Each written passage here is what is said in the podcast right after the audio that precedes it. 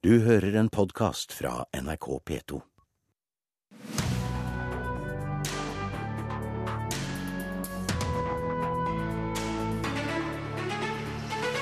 Millionsatsing skal gjøre norsk film mer synlig enn noensinne under filmfestivalen i Cannes som åpner i dag. Dagbladet og Se og Hør skal samarbeide om kjendisstoff på nett-TV-sted. Og BBC må forberede seg på lisenskutt fra sin nye heavy metal-elskede kulturminister. Du hører på Kulturnytt, i dag med Stine Tråholt. Når filmfestivalen i Cannes åpner i Frankrike i dag, skal norsk film og filmbransje være mer synlig på festivalen enn noensinne. For for første gang på 36 år kan en norsk film vinne Gullpalmen. Og det ønsker Norsk Filminstitutt å utnytte, som nå bruker én million ekstra på å gjøre norsk film synlig. Det tilsvarer 275 kilo promonteringsmateriell som nå er sendt til Cannes, sier Pål Håberg i Norsk Filminstitutt. Her står alt. Dette er det som gjør at det kommer gjennom tollen.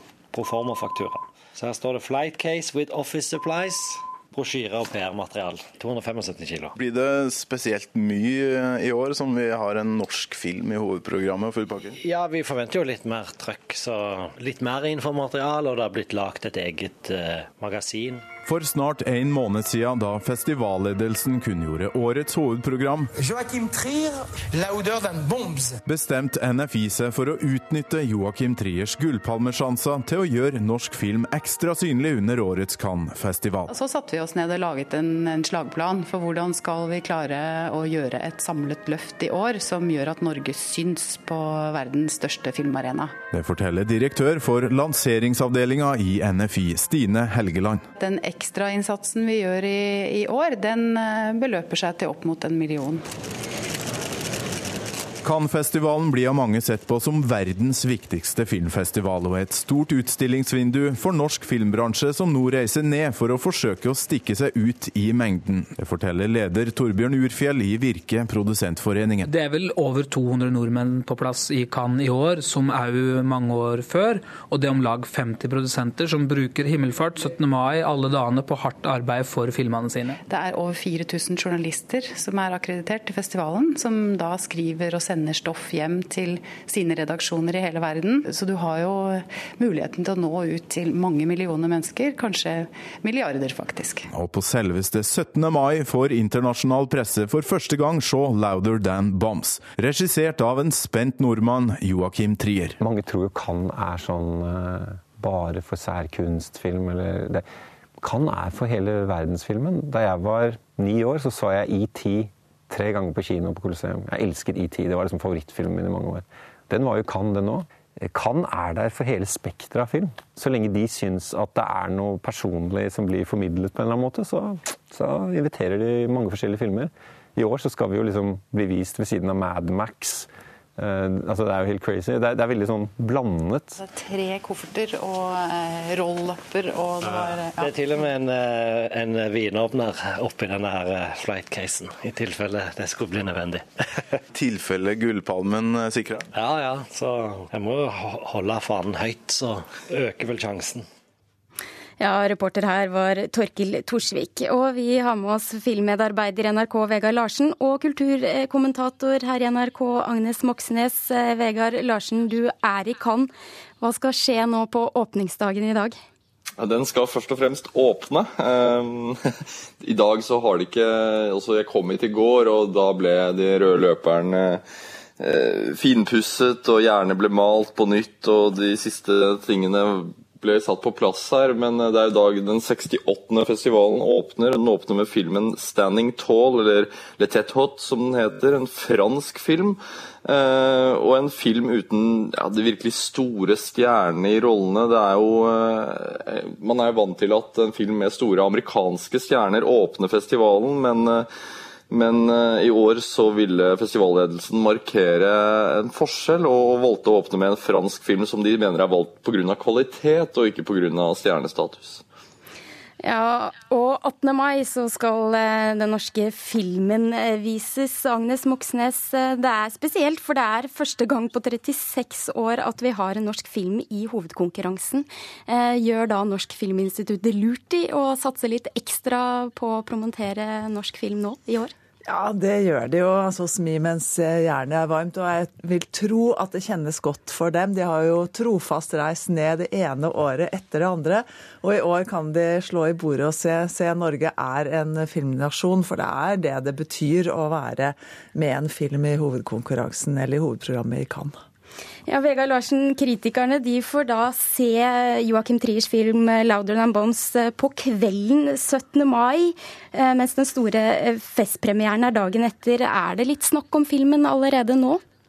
Så blant norsk presse så er det selvfølgelig det. Vi var en gjeng her i går som, som spiste middag sammen, og da snakket vi selvfølgelig om Triers film. Men, men, og det er vel og bra, tenker jeg, da, at, at norsk film prøver å markere seg her nede. og Eh, promotere norsk film per se, men den beste måten å promotere norsk film på i fremtiden er jo at man gir støtte til film hjemme, så det lages god nok film som får lov til å konkurrere her. Det er jo eh, derfor at norsk film får søkelyset på seg, og det er jo fordi at vi har en film i konkurransen. og da eh, kan man ha så mye bannere man vil, men, men det er først og fremst filmen som står i fokus.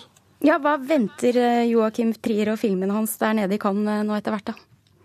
Altså, den er jo plukket ut blant 2000 innsendte bidrag, så er den en av 20 eh, filmer som er med i hovedkonkurransen. Og, og, han har jo vært der nede før i et sideprogram, men det kommer til å være et helt annet sirkus for han nå. Også, han blir jo, han blir jo kjørt rundt i limousin og opp på den røde løperen, og, og verdenspressen kommer til å skrive om filmen. Og, og, det må være fryktelig nervepirrende, fordi der står man overfor å bli halshugget eller å bli elsket. Da, og så får vi som nordmenn håpe på det siste. Ja, for dette er jo verdens viktigste filmfestival. Hvorfor kan eh, den smykke seg med den tittelen, Agnes Moxnes? Det er vel tre hovedingredienser, tenker jeg. Det ene er at de har holdt fast på at det er regissøren som er hovedpersonen. Eh, det andre er at de har hentet inn film fra absolutt alle verdenskanter og verdens hjørner. Og det er mange ukjente filmnasjoner som har blitt kjente filmnasjoner gjennom eh, sin deltakelse i, i Cannes. Og så forsto jo Cannes utrolig tidlig betydningen av denne røde løperen som Vegard snakker om her.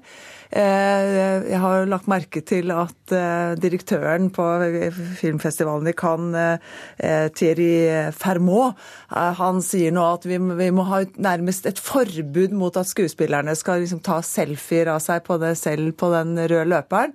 Fordi han vil jo ha fullt fokus fra deres side at det er fotografene som er til stede, og som sender ut til alle verdens medier, som er, har den viktigste rollen. Det er der liksom er det er det som er viktig for ham. Ja, Han har vel sagt noe sånt som at ingen er så stygge som når de tar selfies. Latterlig og idiotisk, kaller han det. Ja. Men eh, eh, Vegard, når det gjelder eh, det heatet da Triers film stiller i hovedkonkurransen, da, altså 19 filmer, eh, hva, hva kan vi si om de andre filmene? Eh, nei, det er jo sånn med Cannes-filmene at de ser veldig gode ut på papiret. og Programmet i år syns jeg ser strålende ut, eh, men dette er jo da før man har sett det. Filmene har jo aldri tidligere vært vist før, men jeg syns at det er et tilsynelatende meget godt program i år. Det er et program med ganske mye engelskspråklig film. Det er bl.a. tre store italienske filmskapere som har filmer i programmet i år, men de har alle lagd film på engelsk. Joachim Trier har gjort det samme.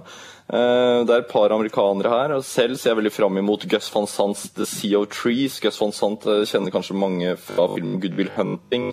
Eh, Elephant han er her med en, en film med Matthew McConaughey i hovedrollen, som jeg ser veldig frem til.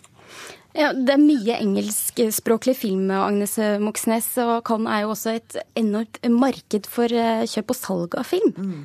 Og det er vel altså Det er jo ikke mer enn et år siden Netflix for første gang, altså strømme, den amerikanske strømmetjenesten, var på plass i, i Cannes. I år er det forventet at eh, direktøren for Netflix, eh, Ted Sarando, skal holde den viktigste talen i, i Cannes, fordi han skal snakke om betydningen av altså distribusjon og ny finansiering av film. Og i den sammenheng, altså når du ser på Netflix' betydning nå, så er det interessant å, å, å tenke, tenke, videre på det Vegard eh, Larsen sa her, at veldig mange av filmene i hovedkonkurransen til tross for at de kommer fra ikke-engelskspråklige land, nå er på engelsk. Og gjerne med store engelske og amerikanske skuespillere i, i, i hovedrollene i, i, filmene. Så det er en, en tilpasning ute og går her som det er, blir interessant å følge med på i tiden fremover. Når festivalen avsluttes den 24. mai, så er det med en prisutdeling, og den gjeveste prisen er jo Gullpalmen. Har vi noe som helst sjans? Vegard Larsen først. Ja, helt selvfølgelig. Har, filmen hadde ikke blitt valgt ut hvis det ikke. Eh, så det har vi. Og Agnes? Altså, det var jo 2000 filmer som meldte seg på og ville være med i dette hovedprogrammet. 20 er plukket ut. En av dem er eh, Joakim Trier. Så det er klart den har kvaliteter, og så får vi se hva som skjer. Det. Så langt er det jo svært få som har sett den filmen. Tusen takk til dere, Vegard Larsen og Agnes Moxnes. Og 18. mai er altså den store premieredagen for Joakim Triers film 'Louder Than Bombs'. Um, tusen takk.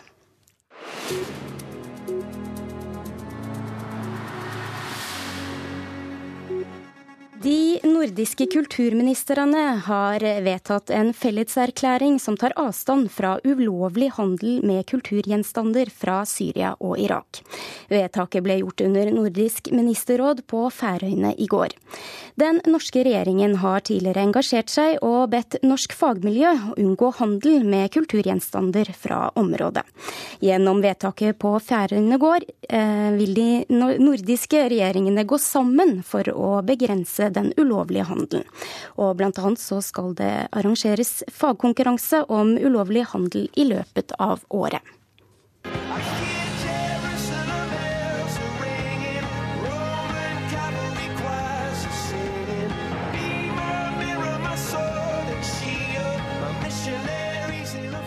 De britiske popheltene Coldplay har toppet listene i over et tiår med sanger om knuste hjerter.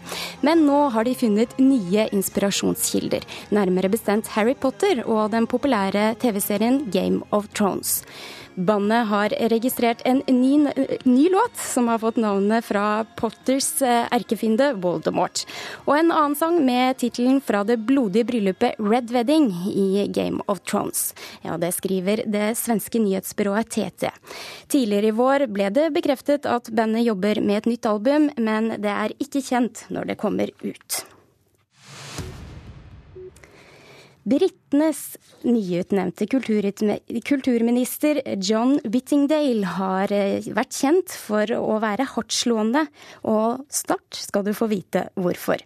Han blir, av, han blir nemlig den som skal legge grunnlaget for hva slags rammebetingelser allmennkringkasteren BBC skal få de neste årene. Og det kan bli tøffe tak.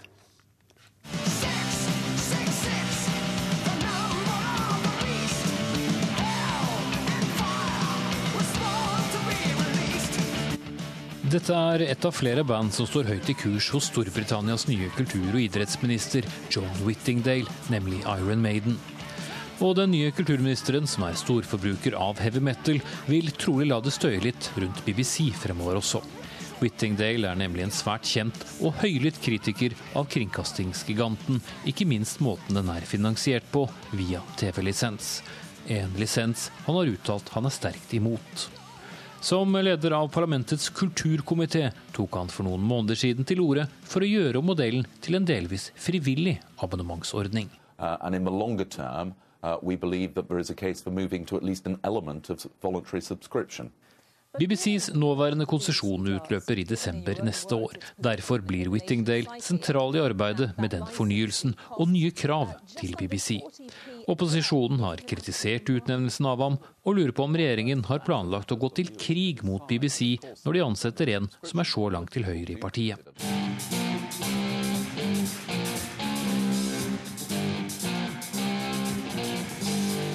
Forholdet mellom de konservative og BBC er heller ikke spesielt godt om dagen. Partiet mener kringkasteren var altfor ensidig i sin valgdekning, samtidig som en ved BBCs pressekontor retvitret en melding om hvordan Whittingdale hadde stemt mot både homofile rettigheter og forbud mot revejakt i parlamentet.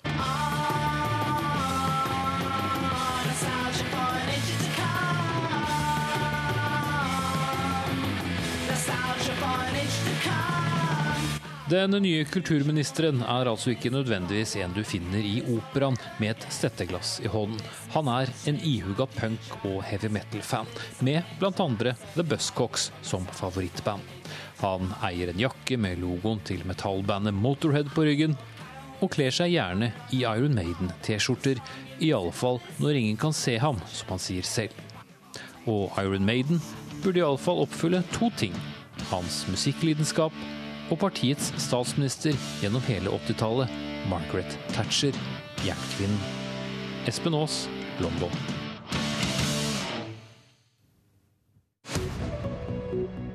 Du hører på Kulturnytt, og dette er nyhetsoverskriftene denne morgenen. I Pakistan er 41 mennesker drept i et angrep en, i en buss i Karachi. Mot, eh, saken mot den korrupsjonssiktede politimannen viser at Spesialenheten i politiet ikke er godt nok rustet til å takle korrupsjon, ifølge tidligere polititopp. Det svenske forbrukerrådet advarer konkurranse løser ikke alle problemene i togtrafikken.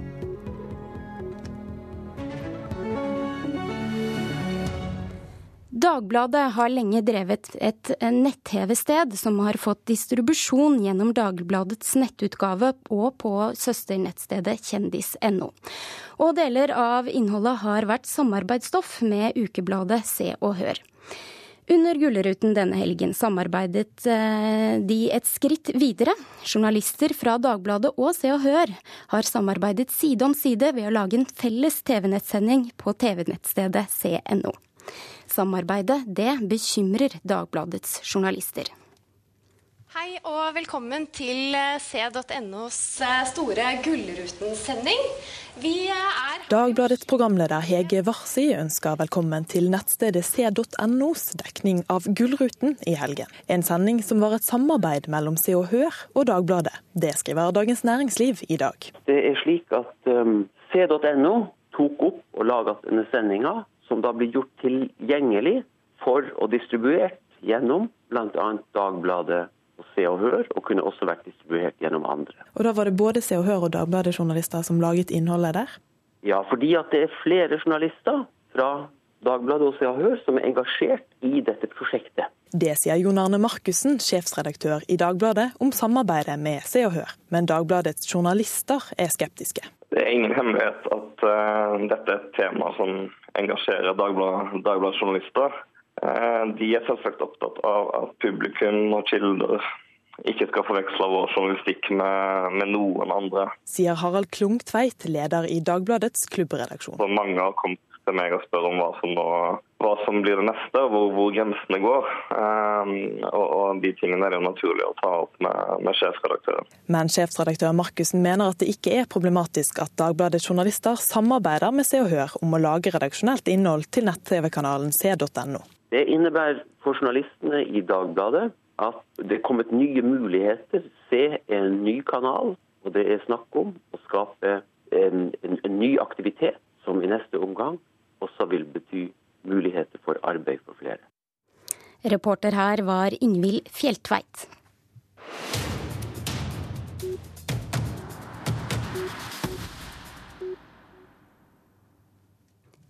We'll move in pairs. We'll go step by step and cut off every bulkhead and every vent until we have it cornered, and then we'll blow it the fuck out into space. Is that acceptable to you? I've seen things you people wouldn't believe. Attack ships on fire off the shoulder of Orion. Alien og Blade Runner er begge science fiction-klassikere fra regissør Ridley Scott. I slutten av november får hans neste film The Martian norgespremiere, med Matt Damon og vår egen Aksel Hennie på rollelista. Men allerede nå så kan du kaste deg over den norske utgaven av boken som filmen er basert på. Og bokkritiker her i NRK, Anne Katrine Straume, er det lett å forstå hvorfor denne romanen nå blir Hollywood-film? Ja, det er ikke vanskelig å, å, se det. Her er det spenning fra første til siste side.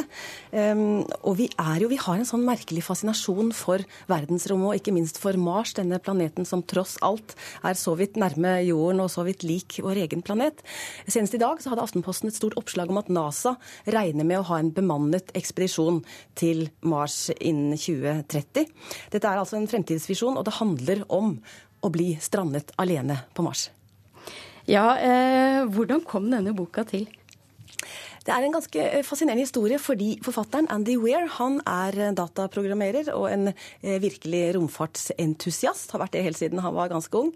Eh, han har prøvd å få gitt ut noen bøker tidligere, men har alltid fått nei fra forlag. Nå startet han denne historien på sin egen blogg, som er en sånn fortelling om denne mannen da som er igjen etter at romskipet har forlatt ham, for de andre tror han har strøket med på Mars. Og så ble den så populær. altså Han hadde veldig mange lesere på bloggen sin, og de ba kan du ikke gi ut denne, denne Eh, historien som en bok. Så ga han den ut som eh, e-bok. Den kom på Kindle på bestselgerlisten der.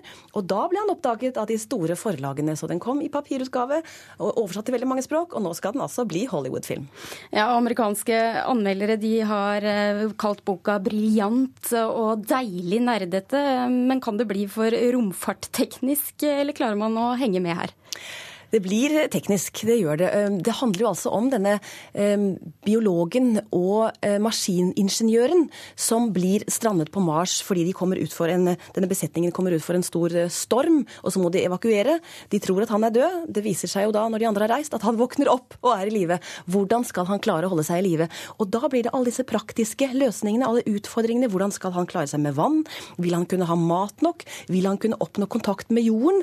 Eh, og på et eller annet tidspunkt, etter at alle tror han er død, så er det noen som oppdager på et satellittbilde at ja, men her er det jo vært noen bevegelser. Noe må ha skjedd. Ja, men han lever jo. Hvordan skal vi komme i kontakt med han? Hvordan skal vi redde han? Og da blir det et kappløp fra NASAs side, og hele verden sitter og følger med på TV-skjermene for å se hvordan han greier seg der oppe. Og etter hvert så får vi denne kontakten. Han skriver disse bloggene i utgangspunktet for at de skal oppdages av noen etter at han på et eller annet tidspunkt er død. Så kanskje han kan ha gjort noen forsøk og, og gjort noe i forskningens tjeneste likevel. Um, men så får vi denne kontakten, og så får han et håp om at han skal klare å overleve og bli reddet. Og hvordan behandler boka den enorme ensomheten det må være da, å være strandet på Mars? Ja, Det som er litt pussig, er jo det at han er, eh, han er en veldig um optimistisk fyr. Så hvis noen skulle klare å overleve der oppe, så måtte det være han. fordi at han har ikke disse store eksistensielle refleksjonene om livet, døden, fellesskapet med menneskene på jorden, ensomheten her på Mars. Det skulle man kanskje savne i en litt mer dyptloddende roman. Um, men den er veldig veldig underholdende. Den er spennende. Og det var jeg nesten litt overrasket over, fordi det nettopp er disse konkrete beskrivelsene av alle det praktiske arbeidet han gjør. Det blir nesten som en sånn moderne Robinson Crusoe, som må greie seg da med de midlene han har når han strander strandet på et helt øde og ensomt sted. Ja, og I slutten av november så kommer altså filmen om marsboerne, og boka den er nå eh, klar på norsk. Tusen takk skal du ha, Anne Katrine Straume. Gitarkorps hører antagelig til skjeldighetene sjeldighetene 17. mai, men borgertoget i Trondheim blir etter alle solemerker preget av ett. Rockerne på Trønderturen folkehøgskole var nemlig lei av å høre på dårlig arrangerte poplåter, og tok eh, derfor grep.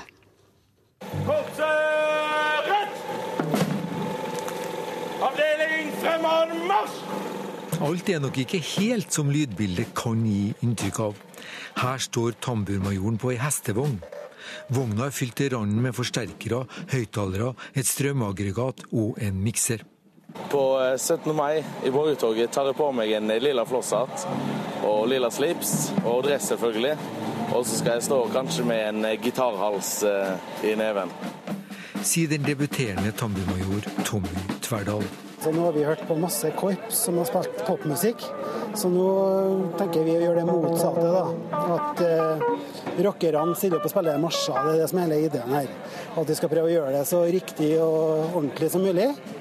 Si lærer på Trøndertun folkehøgskole, mest kjent for rock og dans, Lars Olav Berg. Bak vogna går et opptog av 30 gitarister, én stryker og skarptromme, og Andreas Fordal på stortromme. Altså, det, vi starter samtidig, og så bare teller vi opp når vi føler for det, egentlig. Liksom, Mesteparten av det jeg spiller, er bare Hva er et oppslag? Oppslag, det da Skal vi ta et oppslag for, for dem? Skal vi ta et oppslag for dem? Én, to, tre, fire.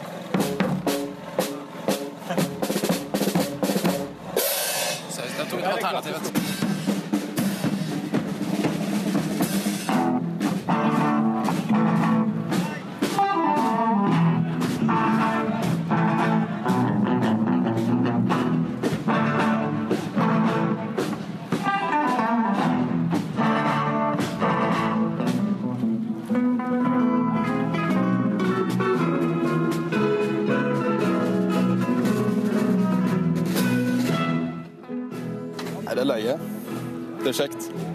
Å lære seg marsje av? Ja, ganske rett fram, egentlig. Veldig lett. Du blir litt rastløs? Det blir for lett? Nei, nei, nei. nei. Altså, du må jo marsjere og vinke til damene og litt sånn, vet du. Så litt vanskelig blir det. Sier Kaspar Hatlestad på gitar. Hvilken fot starter med? Venstre. Det er korrekt. Og flere marsjer skal være på plass til de slipper løs i borgertoget i Trondheim 17. mai. Det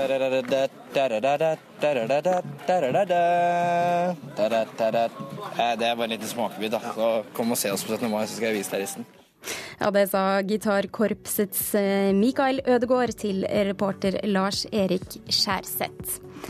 Og du har hørt Kulturnytt. Ansvarlig for sendingen var Gjermund Jappé, og teknisk ansvar hadde Beate Haugtrø. Du har hørt en podkast fra NRK P2.